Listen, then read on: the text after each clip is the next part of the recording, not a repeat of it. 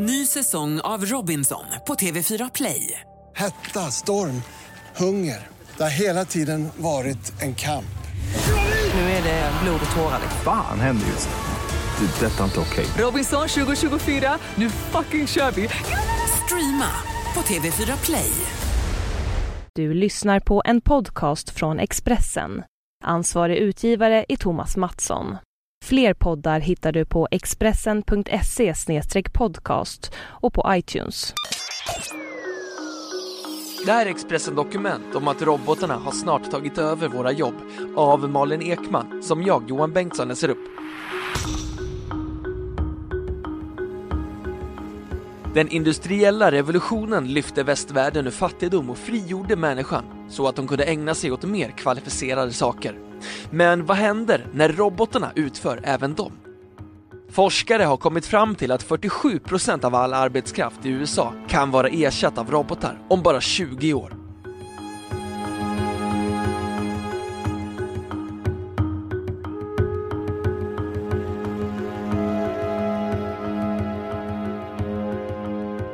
Maskiner har färre problem. Jag skulle vilja vara en maskin. Skulle inte du?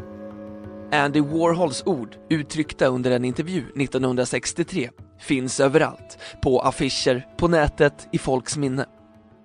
Popkonstikonen var varken först eller sist att intressera sig för teknikens under. På Moderna Museets väggar dansar just nu robotar till Kraftwerks elektropopmusik.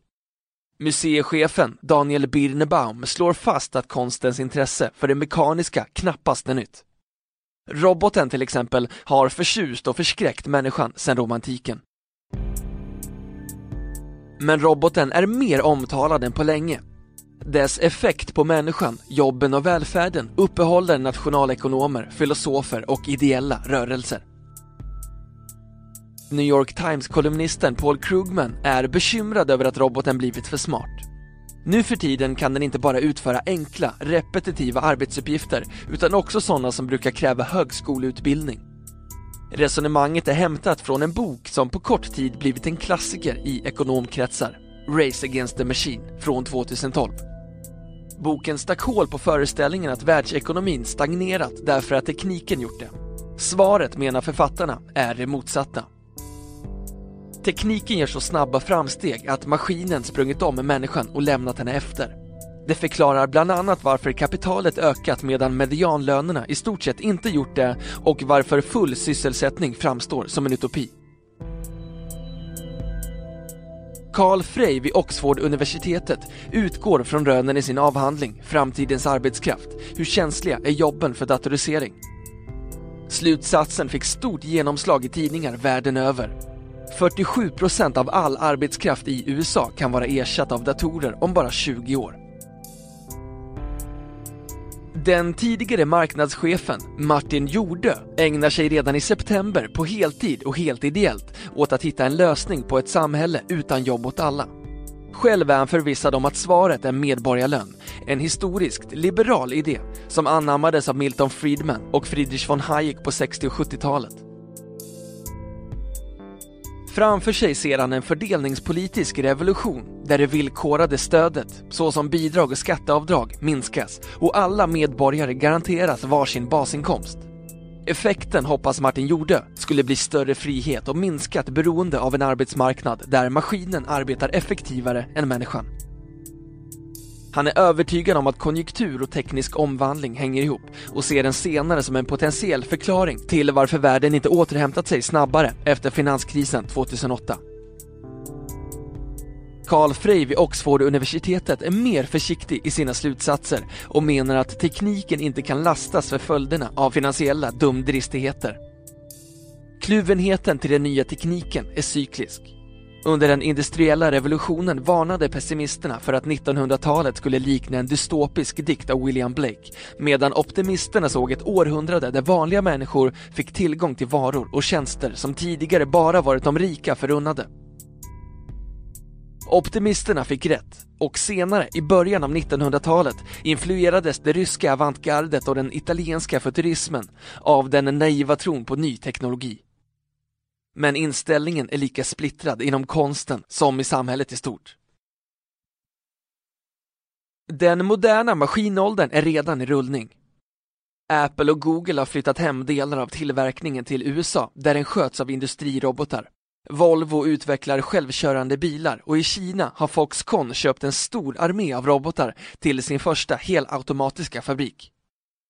IBM skapade rubriker när dess mirakeldator Watson slog stormästare av kött och blod i Jeopardy. Inom servicesfären har maskinen på sina håll avlöst människan, vilket den som besöker en flygplats eller tågstation snabbt blir varse. På aktiemarknaden har den pengastinna börshajen till betydande del ersatts av blixtsnabba algoritmer utvecklade av personer med examen i matematik eller fysik snarare än traditionell ekonomi. Daniel Birnbaum har svårt att föreställa sig roboten erövra kultursektorn. Kvalificerade jobb inom forskning är nog inte så lätta att reducera till datoriserade processer. Nästa Warhol är inte en maskin, även om man skulle vilja vara en maskin själv, säger han. Den uppfattningen får stöd i Carl Freys avhandling. Näst på tur står, enligt forskarna, områden som juridik och sjukvård. Det handlar dock inte om att läkaren ska ersättas av en medicinskicklig robot, utan om expertsystem som flätas in i verksamheten. Datorn kommer att kunna ställa mer exakta diagnoser än doktorn. Transport, service och försäljningsbranschen kommer enligt Oxford-avhandlingen att datoriseras i ännu större omfattning. Även mer intellektuella sysselsättningar som översättaryrket kan rationaliseras när de tekniska instrumenten förfinats. Det stora bekymret är om den nya tekniken inte lyckas skapa tillräckligt många nya jobb. Många av dagens teknikjättar sysselsätter stora kapital men få anställda. Ett talande exempel som lyfts fram i utländsk press är Facebooks köp av Instagram för en miljard dollar. Vid tidpunkten för affären hade Instagram 30 miljoner användare och 13 anställda.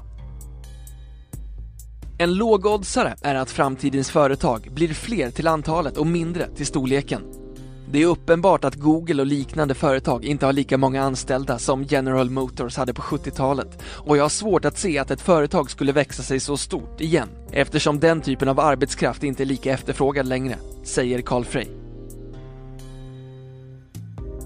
Entreprenören och KTH-doktoranden Alexander Yngling är tjänstledig för att utveckla det egna företaget Waitress, en app i servicerationaliseringens tecken. Enligt grundaren ska appen trots trenden inte ersätta servitören utan låta denne koncentrera sig på roliga saker som service istället för tråkiga saker som att ta betalt. På samma gång är han bekymrad över att glappet mellan samhällets lågutbildade och spetskompetenta riskerar att skapa allt större sociala orättvisor och ett stort hål i statskassan. Utmaningen för staten är att ta fram mer kompetens ur folket. Medelkompetensen måste bli högre. Jag blir lite rädd när jag ser partier som bara pratar om att få folk ut i arbete. För jag tror att den sorts arbete man kan få efter ingen eller kort utbildning är på väg bort, säger Alexander Yngling.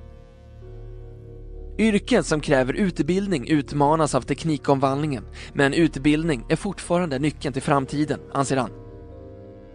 Hans resonemang liknade Erik Brynjolfsson och Andrew McAfee framför i uppföljaren till Race Against the Machine, den nysläppta boken The Second Machine Age.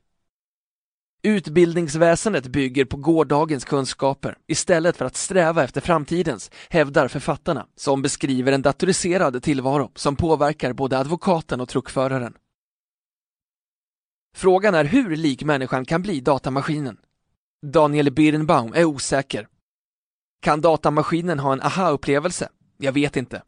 Kan datamaskinen vara kreativ? Ja, jag förmodar att den kan vara det om den blir tillräckligt komplex, säger han.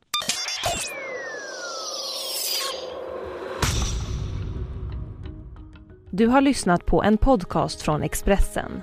Ansvarig utgivare är Thomas Mattsson. Fler poddar finns på Expressen.se och på iTunes.